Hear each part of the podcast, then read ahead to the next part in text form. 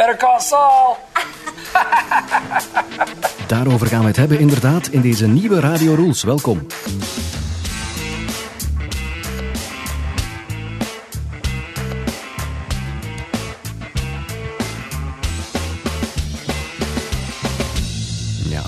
39 alweer, dus fijn dat je ons nog eens gevonden hebt. Het gaat straks inderdaad over Better Call Saul, die geweldige televisieserie op Netflix waar ik sinds een tijdje aan verslaafd ben. We praten ook heel even met David de Maarschalk, die heeft er net een maand zonder internet op zitten, dat eh, weet je wellicht. En we lanceren ook een gloednieuw item in deze podcast.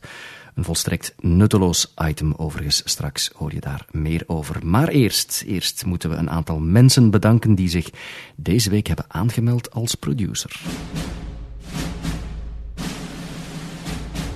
Volgende mensen mogen zich met onmiddellijke ingang en tot de volgende aflevering van rechtswege producer van de Radio Rules podcast noemen en dienen als dusdanig met respect aangesproken te worden.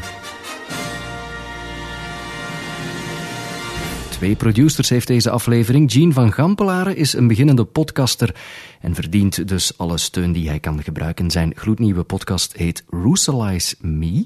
Dat is de allereerste stadspodcast van Vlaanderen, lees ik over de avonturen van iemand die graag woont in een leefbare stad als Roeselare. Die podcast vind je op de website roeselize.me. Roeselize.me. We zullen de link ook op onze eigen website zetten. Kan je daar eh, naar surfen als je wil. En Jean zelf is op Twitter te vinden onder de username Ad van Gampelaren. Dus Ad van Gampelaren met AE achteraan. Ook dat zullen we nog eens op onze eigen website zetten. radiorules.be. Jean, dankjewel om producer te zijn van de week. En hopelijk ontdekken de mensen ook jouw podcast. En de tweede producer van de week is Raf Tonen op Twitter te vinden onder de username @ringlord. Dat is simpel, @ringlord. En Raf omschrijft zichzelf als een tongenaar die nu in Antwerpen woont en die zich bezighoudt met computers en af en toe ook eens met de fiets rijdt. Dus uh, Raf te vinden op @ringlord. Dank aan beiden voor het producerschap deze week. En als je nu zelf je naam eens graag hoort vermelden in deze podcast op deze plaats, dan is dat perfect mogelijk door jezelf aan te melden als producer. Daar moet je helemaal niks voor doen, enkel een tweet versturen. Dat is alles. Details vind je ook op onze website. Dan zou ik nu ook even langs willen gaan bij David de Maarschalk. Die begon een maand geleden aan een opvallend experiment. David wilde een maand lang leven zonder internet, radio en televisie. Ik heb hem heel lang daarover geïnterviewd aan het begin van zijn experiment, een maand geleden ongeveer. Dan hebben we hem halverwege ook nog eens even gehoord, geloof ik. En nu is het zover. Nu is die maand dus afgelopen en lijkt het mij tijd voor een korte balans. Dag David. Dag Lode. Welke balans maak jij op? Uh, in het algemeen gezien ben ik daar wel tevreden over. Dus zeker die eerste weken waren, waren wel interessant. Uh, en dan, ja, dan, dan, leert je wel omgaan zonder dat internet en tv. Maar ik vond persoonlijk de laatste week vond ik er iets te veel aan. Niet omdat ik het niet meer aankom, maar gewoon omdat ik er dan het nut niet meer van inzag. Ik, ik heb heel veel gelezen bijvoorbeeld, maar op een duur zet je het pezen ook een beetje beu. En, en, en had ik ook wel uh, het gevoel dat ik, dat ik mijn tijd niet meer echt nuttig aan het invullen was. Ah, ja. Dus het was positief, behalve dan die laatste week. Dus ik had er eigenlijk moeten een, ja, een drie weken zonder internet, maar dat is zo'n vreemde tijds... Uh, dat pakt niet, hè? Dat, nee, nee, nee dat klinkt niet. Hè? Nee. En heb je, heb je um, zoveel gelezen als je wilde in het begin, of niet? Nee, minder, want ik, het was eigenlijk mijn bedoeling om, om, om vooral veel Nederlandstalige boeken te lezen, maar ik ben begonnen aan een, aan een boekreeks van, van, van jeugdboekenschrijver Anthony Horowitz. Maar dat is een, dat is, dat is een vijfdelig, uh, vijfdelig verhaal. En dat laatste boek is bijna 700 pagina's dik, dus uiteindelijk heb ik alleen maar Engelstalige boeken gelezen. Enfin, nee, één Nederlandstalig en voor de rest alleen maar Engelstalige boeken. Heb je het gevoel dat je iets gemist hebt de afgelopen maand? Nee, gemis niet echt. Nee. Bij, bij internet heb je een beetje dat gevoel, maar dat is dan meer een praktisch gemis. Niet echt een... een allez, ik heb geen afkikverschijnselen vertoond of zo bijvoorbeeld. Het is gewoon uh, dat je vaststelt dat dat wel vervelend is, dat je niet kunt mailen, dat je niet uh, bepaalde dingen kunt gaan opzoeken uh, op het internet. maar voor de rest echt gemist? Nee, absoluut niet. Je bent nu een paar dagen terug in, uh, in internetland, zal ik het dan maar noemen. Ja. Um, merkte nu dat je anders omgaat met internet? Of zijn het nu terug al meteen na die paar dagen in oude patronen hervallen? Ja, die eerste paar dagen natuurlijk. Ja, dan, dat is alsof dat je uh, uh, ja, een kindje loslaat op de snoepwinkel. Dus, dus daar kan ik moeilijk een, evaluatie over geven. Want ik, ik, heb heel veel tv gekeken, onder andere ook omwille van de Oscar-uitreiking. Ik heb ook al heel veel geïnternet om, om ja, zaken die, ik, die, die, enfin, die, die achterstand hadden opgelopen in, terug in te halen. Maar ik denk dat ik binnen een paar weken zal inzien van kijk, heeft het gewerkt of heeft het niet gewerkt? Als ik dan opnieuw evenveel internet en tv kijk als voorheen, ja, dan, dan zal ik terug zo'n maand moeten inlassen natuurlijk. Hè. Ja, het is niet dat je zo tot massale bezinning bent gekomen en nu volledig internet gaat afzweren of zo. Nee, misschien kan ik dat later eens doen door mij terug te trekken in een, in een, in een klooster. Maar dat is, dat is misschien de volgende uitdaging. Is voor herhaling vatbaar? Doe, doe je dat nu nog eens of heb je het nu wel gehad? Wel, dat hangt ervan af. Moest ik effectief terug vervallen in die slechte gewoonte om heel veel te gaan uh, internetten en tv kijken, dan zou ik het opnieuw overwegen. Dan is dat meer een soort van mini-strafkamp, een, een bootcamp, of hoe noem je dat in het Engels. Mm. Uh, maar anders, nee, ik zou het niet zo, voor, voor het plezier zou ik het niet opnieuw doen, nee. Want ik heb zelfs even overwogen van, ik heb me de vraag gesteld, zou, zou dit mogelijk zijn gedurende een volledig jaar? En? Maar, nee, waarschijnlijk. Wel, praktisch gezien is dat heel moeilijk. Dan zou je je heel goed moeten voorbereiden. Dan zou je bijna dat volledig jaar op voorhand moeten plannen om te zien wat je allemaal concreet wilt doen. En, en zou je dus ja, dingen die je absoluut nodig hebt vooraf moeten opzoeken op het internet. Om, om, want anders zou dat bijna niet mogelijk zijn. Maar ik, zou, ik, ik, zal het, ik, ik stel voor dat we dat aan iemand anders overlaten. Misschien jij, Lode? Nou. Uh, nee, dat is absoluut niks voor mij. Ik heb dat van in het begin gezegd, ik, ik zou het gewoon niet kunnen. Um, en ik weet wel, jij zegt misschien ook dat je niet zou kunnen, maar um, je hebt mm -hmm. het toch gedaan. Ik, zou, ik, zit, ik zit ook in een andere situatie, denk ik. ik heb Absoluut. Een, uh, ja, ik bedoel, ik, ik, heb, ik heb een gezin met, met, uh, met, met twee kinderen ook. En bovendien ja. werk ik op de VRT. Dan zou ik bijna mijn job ook bij de VRT moeten opzeggen. Want ja, maar die kinderen kunnen nu plaats research, research doen op Google. Hè? Dat is waar, dat is waar. En het verschil uh, op de radio zou misschien niet te merken zijn als mijn dochter het doet. Maar het is, het is gewoon een stuk moeilijker. Ah, wel, maar ik vind het fijn dat je dat allemaal um, hebt willen delen met ons. dank daarvoor. En blijf nog even in de buurt, okay. David. Want wij horen jou straks nog terug. En daar vertel ik meer over, want we gaan een nieuwe rubriek lanceren. Maar dat is voor later. Is dat zo? Dat is zo. Sst.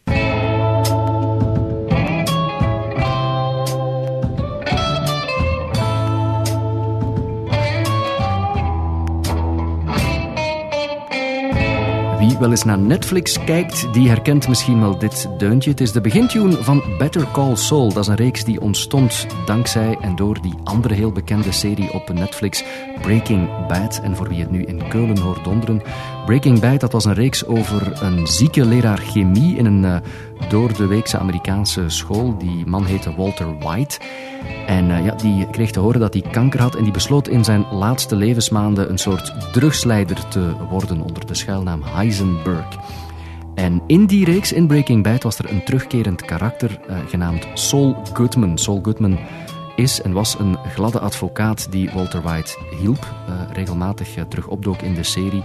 Schitterende, grappige en fascinerende rol voor Bob Odenkirk. Dat is een Amerikaanse stand-up comedian eigenlijk, die nu aan het acteren geslagen is.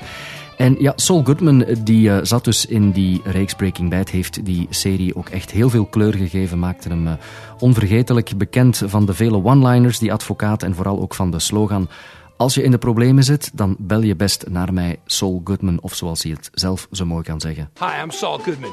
Did you know that you have rights? The Constitution says you do, and so do I. I believe that until proven guilty, every man, woman, and child in this country is innocent.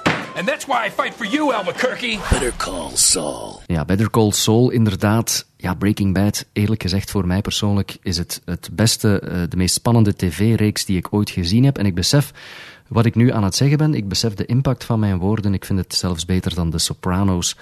Als ik terugdenk aan uh, ja, de, de figuren, de karakters in die uh, reeks, uh, mensen als Tuco, Gus, maar ook Mike bijvoorbeeld.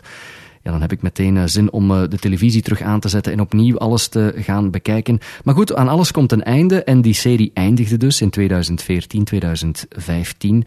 Uh, en toen meteen eigenlijk werd de roep om een vervolg heel erg groot. Mensen wilden meer zien van die serie, meer series zoals Breaking Bad. En Vince Gilligan, de bedenker van Breaking Bad, de schrijver van de reeks, die is ingegaan op die oproep en is beginnen schrijven aan een um, ja, vervolg eerst misschien, maar goed, Breaking Bad eindigde nogal dramatisch, dus een vervolg was helaas niet mogelijk. Dat besefte men natuurlijk al heel snel. Dus dat zat er niet in, maar wel een prequel natuurlijk. Een serie die zich in de tijdlijn voor Breaking Bad afspeelde. En meteen werd dan richting Saul Goodman gekeken, die kleurrijke advocaat uit de reeks Vince Gilligan ging aan het schrijven. En um, kwam op de proppen met een prequel van Breaking Bad. En welke titel, welke titel was beter voor de serie dan Better Call Saul? En wat we zien dus inderdaad in die serie is de avonturen van Saul Goodman, van die advocaat, dus enkele jaren voor hij in contact kwam met Walter White in Breaking Bad. Ik geloof dat de tijdlijn ongeveer zes à zeven jaar uh, daarvoor zit. En wat we zien is ja, menselijk beeld van de man, die trouwens ook niet echt uh, Saul Goodman heet, maar Jimmy blijkt te heten, zes of zeven jaar daarvoor. En ja, je krijgt een advocaat te zien die misschien wel het hart op de juiste plaats heeft, maar toch heel vaak in contact komt met de verkeerde mensen en de verkeerde milieus. Jimmy McGill um, zien we uh, in de serie. En het is minder spannend dan Breaking Bad, uh, for sure, maar het is even intens, dat kan ik je verzekeren. Het is zeer mooi gefilmd, vind ik, met zeer veel emotie ook. En uh, je krijgt de kleine kantjes van Saul Goodman of van Jimmy McGill te zien in de serie. En je ziet ook verschillende verhaallijnen. Wat ook leuk is, is het feit dat Mike opduikt. Mike is een andere kleurrijke figuur uit Breaking Bad. Dus uh, ja, fijn om te uh, zien en fijn om te weten dat er een vervolg gebreid is aan uh, Breaking Bad. In de vorm van een prequel. Op het einde van Breaking Bad dacht ik, er komt nooit meer iets dat ook maar enigszins in de buurt komt van die serie. Maar Better Call Saul, mag ik in alle eerlijkheid zeggen, komt zeker wel in de buurt. Heel dicht in de buurt zelfs. Het is de moeite waard om naar te kijken. Better Call Saul, ondertussen serie 2 gelanceerd ook allemaal te bekijken op Netflix. Wat mij eraan doet denken overigens, als deze podcast online komt, dat is op vrijdag 4 maart, dan is het vierde seizoen van House of Cards ook uitgekomen.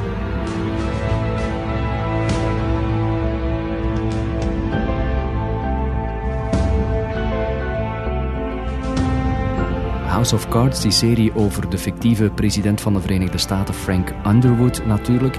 Netflix heeft een tijdje geleden aangekondigd dat het vierde seizoen dus uitkomt op 4 eh, maart, dat is vandaag. Eh, wanneer je deze podcast eh, beluistert, tenminste op vrijdag 4 maart. Ik lees even wat er op de site staat van, uh, van The House of Cards van Netflix. De strijd van Frank Underwood heeft hem al drie seizoenen door de Amerikaanse politiek geslingerd. In 2016 staat in de echte wereld de verkiezing voor de deur in de Verenigde Staten, waarbij het op dit ogenblik een strijd lijkt te gaan worden tussen Hillary Clinton bij de Democraten en Donald Trump bij de Republikeinen. En in House of Cards, die eh, serie op eh, Netflix, zal Frank Underwood ook zijn politieke leven moeten redden en ook zijn privéleven. Dat werd wel duidelijk bij het dramatische einde van het derde seizoen. Ik eh, probeer om er geen spoilers in te steken hier. Het vierde seizoen, dat dus op 4 maart begint, zal eh, gelijk eh, midden in het verhaal verder gaan.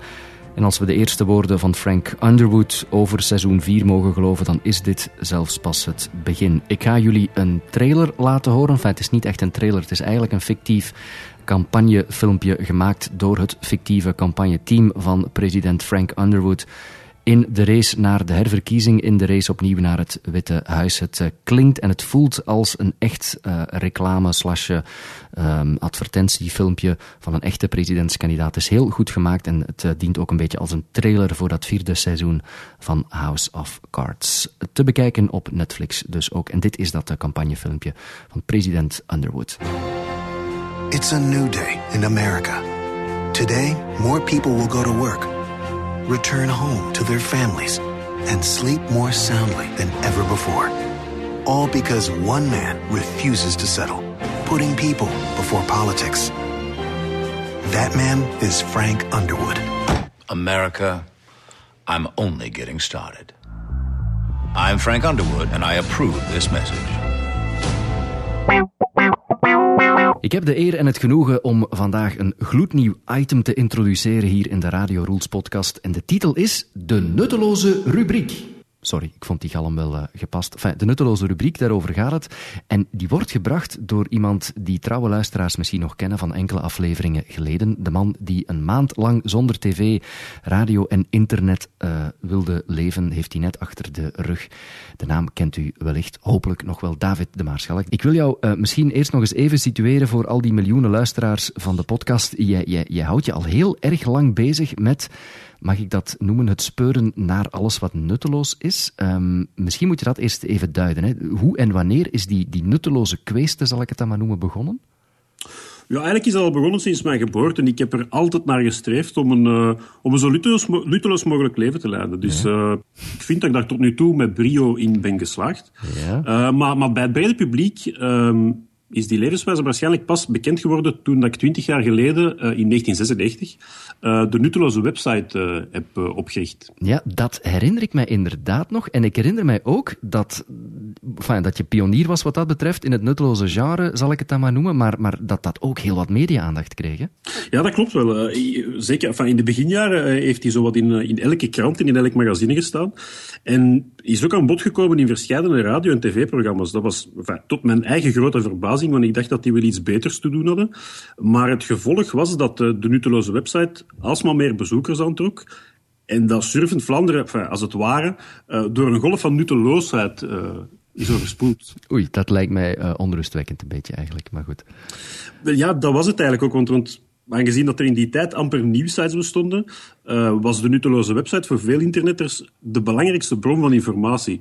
Dus mogelijk is dat een verklaring voor de onrealistische maatschappijvisie van die generatie met de huidige economische crisis als gevolg. Ja, maar ondanks ja. dat alles bestaat de nutteloze website nog altijd, geloof ik, of niet? Ja, inderdaad. Ja, maar, enfin, het is te zeggen, hij staat nog altijd online, maar het is wel al sinds, 19, enfin, sinds 2007 ja. uh, geleden dat hij nog is uh, geactualiseerd. Dus uh, blijkbaar is dat niemand opgevallen. maar dankzij uw podcast zou het wel kunnen dat ik hem opnieuw nieuw leven zal inblazen. Ja, wie weet gaan de nummers uh, en de cijfers omhoog. Dus de nuttelozewebsite.be, dat uh, is het adres. En wie weet, binnen tien jaar mogen we dan opnieuw een zware economische crisis verwachten. Waarvoor nu alvast uh, mijn excuses. Maar goed, genoeg geleuterd. David, het plan dat wij opgevat hebben is dat jij ons dus op regelmatige basis nutteloze feiten, nutteloos onderzoek en vandaag zelfs ook nutteloze wetten zal brengen. En ik wil beginnen met dat, met dat eerste, met die nutteloze feiten. Nu, ik weet dat jij daar eindeloos over kan kan blijven doordrammen. Dat doe je ook te pas en te onpas tegen mij. Maar laten we zeggen dat je um, welke telt één minuut krijgt om er enkele op te sommen. Wat denk je? Ah, ik dacht dat ik een volledige uur mocht volpraten. nee, nee, laten we beginnen met één minuut. Uh, maar ik heb een volledige Thomas dus, uh, vol met Goed, laten we beginnen. Ik heb begrepen dat, dat alle feiten aan elkaar gelinkt zijn ook, hè? Ja, dat klopt. Elk feit bevat een woord of een detail uit het voorgaande feit. Dus op die manier krijg je een oneindige, nutteloze feitenlus. Uh, fe feit, feitenlus, ja, dat bedoel ik. Uh, enfin, ik bedoel oneindig tot een van ons beiden er bij neervalt. ja, oké. Okay. Laten we er dan maar aan beginnen. Um, ik, ja? ik, ga zo'n zo aftelklokje onder jou uh, zetten. En ja. um, die minuut van jou, die gaat nu in. Een zeester heeft geen hersenen. De hersenen van een Neandertaler waren groter dan die van de moderne mens. Een mens heeft evenveel nekwervels als een giraf, namelijk zeven. Een giraf bevindt zich maximum 1 tot 12 minuten na elkaar in een diepe slaap. Dolfijnen slapen met één oog open. Ze zwemmen tijdens hun slaap in cirkels rond en houden de wacht door hun buitenste oog open te houden. Na een tijdje cirkelen ze in de andere richting met het andere oog open. De ogen van een reuzenoctopus kunnen zo groot zijn als een volleybal. Halve minuut. Volleybal werd in 1895 uitgevonden door William G. Morgan. De Amerikaanse acteur Morgan Freeman draagt een oorbel in beide oren. Een paard heeft 16 spieren in elk oor. Hierdoor kunnen de oren 180 graden draaien. Op 60 graden zuiderbreedte kan je helemaal rond de wereld zeilen zonder land te raken. Joshua Slocum, de eerste man die solo rond de wereld zeilde, kon niet zwemmen. De zaadcellen van een bosmuis vormen een team opdat de beste zwemmer de eicel zou bereiken. Een menselijke zaadcel moet 100.000 keer zijn eigen lengte af afleggen om tot stop. de te geraken. Opdracht volbracht, proficiat. We zijn geen zak wijzer geworden, denk ik, maar goed. Um, Gelukkig. Ik, ik, herinner mij enkel iets van dolfijnen, giraffen en, en zaadcellen. Uh, voor dat rest, is meer uh, dan ik. Ongelooflijk. Nutteloze feiten. En dan over naar iets anders. Je wilde het vandaag ook hebben, David, over nutteloze wetten. Um, er bestaan blijkbaar nog heel wat wetten die ondertussen volledig achterhaald zijn en geen enkel nut meer hebben. Jij kan ons daar ongetwijfeld meer over vertellen. Uh, Jazeker, als je mij een Amerikaanse staat noemt, kan ik u daar iets over vertellen. Zolang het maar Minnesota is. Wacht eens denken. Um, wat denk je van Minnesota? Ah, interessant. Wel, in Minnesota moeten belastingbetalers niet alleen hun naam, adres, rijksregisternummer, geboortedatum en leeftijd op hun belastingformulier vermelden, maar ook hun sterfdatum. Dus wij zitten hier te zeggen dat we in ons leven belastingen moeten betalen, maar ginder blijven ze dus ook na hun dood, alleen worden ze na hun dood nog altijd verder uitgezogen. Oh ja, en, en ik, vermoed, ik vermoed dat ze zo in Egypte de mummies hebben uitgevonden, maar ik ben niet zeker. Als je dat niet doet, dan ben je eigenlijk illegaal bezig in Minnesota. Daar Absoluut. Ja, en trouwens, over illegaal gesproken, in Amerika, in heel Amerika, is er ook nog het belastingsformulier nummer 1040. En daar is er op regel 21 een categorie voorzien waar je uw inkomen uit verduistering of andere illegale activiteiten kunt aangeven. Dat is effectief. Dus dat is wel handig, want dan moeten ze geen controleurs meer sturen natuurlijk. Nooit echt een populair item geweest waarschijnlijk. Denk het niet. Ik weet nu niet of, dat er, ook een, of dat er ook een optie is waar je kunt invullen hoeveel jaar je in de gevangenis wilt doorbrengen, maar dat is misschien een tip voor het volgende formulier. Uh, dan mocht je mij nu een, een, land noemen dat rijmt op saai zand. Saai zand. Um, Thailand. Ja, Thailand. Ah, daar heb ik iets over, dat okay. een toeval. Um, in Thailand is het verboden om openbare ruimte te betreden zonder ondergoed. Dus uh, als ik het goed begrijp, kun je daar bijvoorbeeld naar het gemeentehuis gaan, gekleed in een veel te kleine roze string, een sombrero, een skibril en zwemvliezen. En dat is dus perfect legaal. Zolang dat je dus die kleine roze string draagt. Want als je alleen een sombrero, een skibril en een zwemvliezen draagt, dan heb je de prijs. Dat mag niet. Ja, als volgende mag je mag mij nog eens de staat noemen, maar opnieuw, zolang het maar Ohio is. Um, Massachusetts. Nee, sorry, grapje. Ohio. Uh, wel, in Ohio mocht je eh, op een jakhals niet sneller rijden dan 10 km per uur. Uh, staat dat zo in de wet? Dat staat zo in de wet. Dus ik, ik wist eigenlijk niet dat de jakhals zo'n populair vervoermiddel is. Ik had eerder gedacht op, aan een Jaguar of een Mustang, maar, maar blijkbaar ja, wordt er daarop een, op de rug van de jakhals gereden. Trouwens, als dat echt zo'n groot probleem is, dan, dan, dan zou ik voorstellen dat ze doen zoals hier met de snorfietsen, dat, dat, dat, dat het verplicht wordt dat, dat worden uitgerust met een snelheidsbegrenzer. Ik denk dat vooral de konijnen daar heel tevreden mee zullen zijn. Voilà, dat zijn er dus uh, drie. Um, had je nog iets, uh, David? Of was het? Ja, ik wil nog uh, graag iets heel belangrijk meegeven aan de luisteraars die van plan zijn om naar de Amerikaanse staat Maine te reizen. het is daar namelijk ten strengste verboden om een muilezel in brand te steken. Dus mochten, mochten jullie die aandrang toch voelen opkomen, houd u alstublieft in. Of ja, steek desnoods iets anders in brand, een kameel of een pandabeer of zo, dat maakt niet uit, maar zeker geen muilezel. Uh, we zullen het onthouden. Het zal uh, wellicht ook op een of andere site verschijnen als uh, belangrijk reisadvies voor uh, de Amerikaanse staat Maine. Geen muilezels in brand steken. Goed, ik stel voor dat we overgaan naar het volgende onderwerp, David. En dat gaat over nutteloos onderzoek, want niet alleen jij, maar ook ernstige en gerespecteerde intellectuelen bezondigen zich al eens aan nutteloosheid. Um, begrijp ik dat goed, dat daar zelfs een heuse awardceremonie voor bestaat?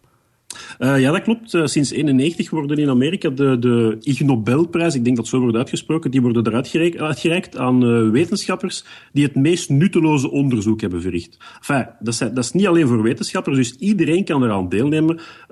als wij bijvoorbeeld zouden onderzoeken of de luisteraars die tijdens deze podcast in slaap vallen een hoger IQ hebben dan degene die de volledige aflevering aandachtig zijn blijven luisteren, dan zouden we daarvoor kunnen genomineerd worden in, bij de Ig Nobelprijzen. Of oh. de Ig Nobelprijzen. Oké. Ja. En je hebt ongetwijfeld, denk ik, een aantal voorbeelden hè, van die Ignobel of Ignobelprijzen. Wel ja, voor deze eerste aflevering zou ik het eigenlijk graag hebben over, uh, over de, de meest recente prijs, die van 2015. En zou ik ja, een klein een best-of willen brengen van, van, ja, van, van de meest opvallende uh, awards. Oké, okay, go for it. Wat heb je? Wel, uh, bijvoorbeeld de Ig Nobelprijs voor de literatuur 2015 is gegaan naar de Nederlandse taalwetenschapper Mark Dingemansen wat ik al een grappige naam vind voor een, voor een, taalwetenschapper. En die heeft samen met zijn mede-onderzoekers, uh, Francisco Torreira en Nick J. Enfield, uh, ontdekt dat het woord hij, uh, of het equivalent daarvan, in vrijwel elke menselijke taal voorkomt. Dus ze hebben talen van over de hele wereld bestudeerd en kwamen tot de conclusie dat die allemaal een woord hebben dat qua vorm en qua betekenis lijkt op hij. Hoe? Nee, nee, hij. nee, nee, nee, hij. Hè? Ah, wel. Dus dat het woord hij in vrijwel elke menselijke taal voorkomt. waarom is dat zo, heb ik dan de neiging om te vragen? Uh, als er in je gesprek bijvoorbeeld iets niet goed, uh, uh, als je iets niet goed doort in een gesprek, of als je iets niet goed begrijpt in een gesprek, dan is er een snelle oplossing nodig. een signaal dat onmiddellijk aangeeft dat er een probleem is. Ehm, dat is bij voorkeur een kort woord, dat makkelijk uit te spreken is. En bovendien moet het vragend zijn, zodat je gesprekspartner duidelijk weet dat hij onmiddellijk terug aan de beurt is. Nu, omdat die vereisten in alle talen gelijk zijn, leidt dat ertoe dat elke taal op eenzelfde soort oplossing uitkomt, namelijk een eenvoudig, vragend, snel uit te spreken, één woord, zoals... Hè? Ja, begin weer niet, hè. De, de volgende waar ik het zou, over zou willen hebben is de, de Ig Nobelprijs voor de scheikunde uh, van 2015. En die werd gewonnen door een Australisch-Amerikaans onderzoeksteam dat een scheikundig recept heeft uitgevonden voor het gedeeltelijk ontkoken van een ei. Nu, dat lijkt mij even nuttig als het ontbraden van een kip. En dat brengt ons naadloos bij de Nobelprijs voor de biologie. Want die ging namelijk naar een team van Chileense onderzoekers, uh, ja, met veel te ingewikkelde namen, dus ik ga die hier niet opzommen. En die hebben vastgesteld dat wanneer je een stok met gewicht aan het achterste van een kip vastmaakt, dan loopt die kip op een manier die overeenkomt met de wijze waarop men denkt dat dinosaurussen uh, liepen. Een steen en een stok en een kip, daar, daar komt het op neer. Een stok met gewicht aan het achterste van een kip. Nu, daar is trouwens een, een, video van gemaakt om die bewering te staven. Uh, dus ik hoop dat je er een link van op je blog zegt, uh, zet, want, want dat is echt bijzonder, bijzonder um, belachelijk. Uh, dat gaan we zeker doen. Ehm, nu, we blijven bij de beestjes, want de Nobelprijs Natuurkunde die werd gewonnen door Patricia Yang, David Yu, Jonathan Pam en Jerome Chu voor het testen van het biologische principe dat vrijwel alle zoogdieren hun blaas ledigen in ongeveer 20 seconden.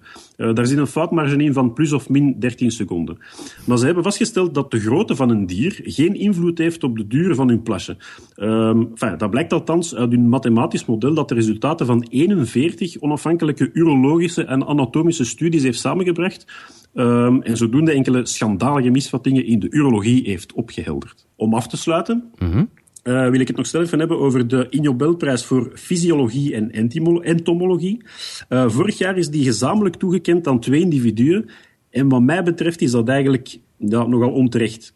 Uh, de eerste is uh, Justin Smith. Uh, die won omdat hij een pijnindex heeft ontwikkeld die de relatieve pijn klassificeert die mensen voelen wanneer ze worden gestoken door verschillende soorten insecten. Dat is interessant. Maar ik vind dat de tweede winnaar de prijs toch wel veel meer verdient. Dat is namelijk Michael L. Smith. En die heeft zich herhaaldelijk door honingbijen laten steken op 25 verschillende plaatsen op zijn lichaam. Om erachter te komen welke plaatsen het minst pijnlijk zijn en welke het meest pijnlijk.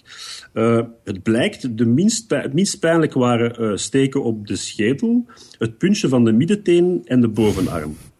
En het meest pijnlijk waren steken in het neusgat, op de bovenlip en op de schacht van de penis. Wel, dan noem ik dus iemand die zich opoffert voor de wetenschap. En ik vond dat ook een smaakvolle manier om dit item mee af te sluiten. Uh, dank u wel, zal ik dan maar zeggen. En dan, uh, David, om jou te onderscheiden van andere nutteloze experts, ga jij ons in elke aflevering ook een wonderbaarlijk weetje uh, brengen, waar Warempel waanzinnig weinig wezens iets over weten. Hè? Waarschijnlijk. Ja, en vandaag gaat het over de oorsprong van de racketsport squash, geloof ik. Vertel eens. Inderdaad, uh, de Racketsport Squash heeft zijn naam te danken aan het feit dat het aanvankelijk met levende muizen werd gespeeld. Okay. Dus in 1830 ging Engeland gebukt onder een ware muizenplaag. Het krioelde overal van de muizen die alles kapot knabbelden en ziektes verspreidden. Dus uh, scholieren van een kostschool in Harrow, dat is een buitenwijk van Londen, die hadden daar plots iets op gevonden. Uh, ze begonnen enfin, overal muizen te vangen en, en, ze sloegen die vervolgens keihard met een tennisracket kapot, enfin, te pletter tegen de schoolmuren. Um, aangezien dat Engelse werk woord to squash hetzelfde betekent als tot moeslaan, was een toepasselijke naam dan ook snel gevonden en begonnen ze de, het muizenmeppen dus squash te noemen. Um, het fenomeen is zich heel snel beginnen te verspreiden daarna over heel het land. En enkele jaren later was het geëvolueerd tot een echte volkssport. Uh, gruwelijk dat ook was. het muizenmappen, oké. Okay, ja, verder, ja, verschrikkelijk, maar goed. Uh, dus uh, de artisanale binnenpleintjes maakten plaats voor semi-professionele squashbanen. En er werden zelfs speciale rackets vervaardigd die ervoor zorgden dat de muizen minder snel aan stukken werden gereten. Waardoor dat er dan ook langer mee kon worden gespeeld. Nu, uh, desondanks bleef het verschrikkelijk voor die, voor die, voor die, weerloze, voor die weerloze beestjes. Maar, uh, want sommige, tijdens sommige wedstrijden sneuvelden er meer dan 50 muisjes. Uiteindelijk uh, kwam er na aanhoudend uh, protest van dierenliefhebbers in 1865 een einde aan die barbaarse praktijken en was vanaf dan verboden om nog met muizen te squashen. Maar op dat moment is men dan overgeschakeld op de befaamde holle rubberballetjes, die overigens ook veel ble beter bleken te stuiteren dan die muizen. Maar de naam squash is dus blijven bestaan. Ja, dus uh, het begon met de muizenplaag en dan muizenmeppen. Uh, mm -hmm. dat, dat, lijkt mij zeer interessant allemaal, maar, maar ja. meen je dat nu? Is dat allemaal echt gebeurd? Dat zou ik niet durven beweren. Goed, onze tijd, David, zit er um, bijna op, gelukkig. Maar Oh. wil, ik, wil ik zeggen, absoluut. Heb jij nog iets mee te geven tot slot aan de luisteraars? Um, een nutteloze tip misschien? Doen. Wel, ik zal er voor deze eerste uitzending misschien, misschien uh, meteen drie geven. Namelijk, um, ga niet tapdansen in een mijnenveld. Speel nooit Russische roulette met een kruisboog. En draag altijd een valhelm als je gaat sierduiken in een leeg zwembad. David de Maarschalk, dank u wel om het niveau van deze podcast naar beneden te jakkeren op enkele minuten tijd met deze volstrekt nutteloze bijdrage. Dat is heel graag gedaan. Mag ik nog eens terugkomen? Dat is een nutteloze vraag. Ah, dank u.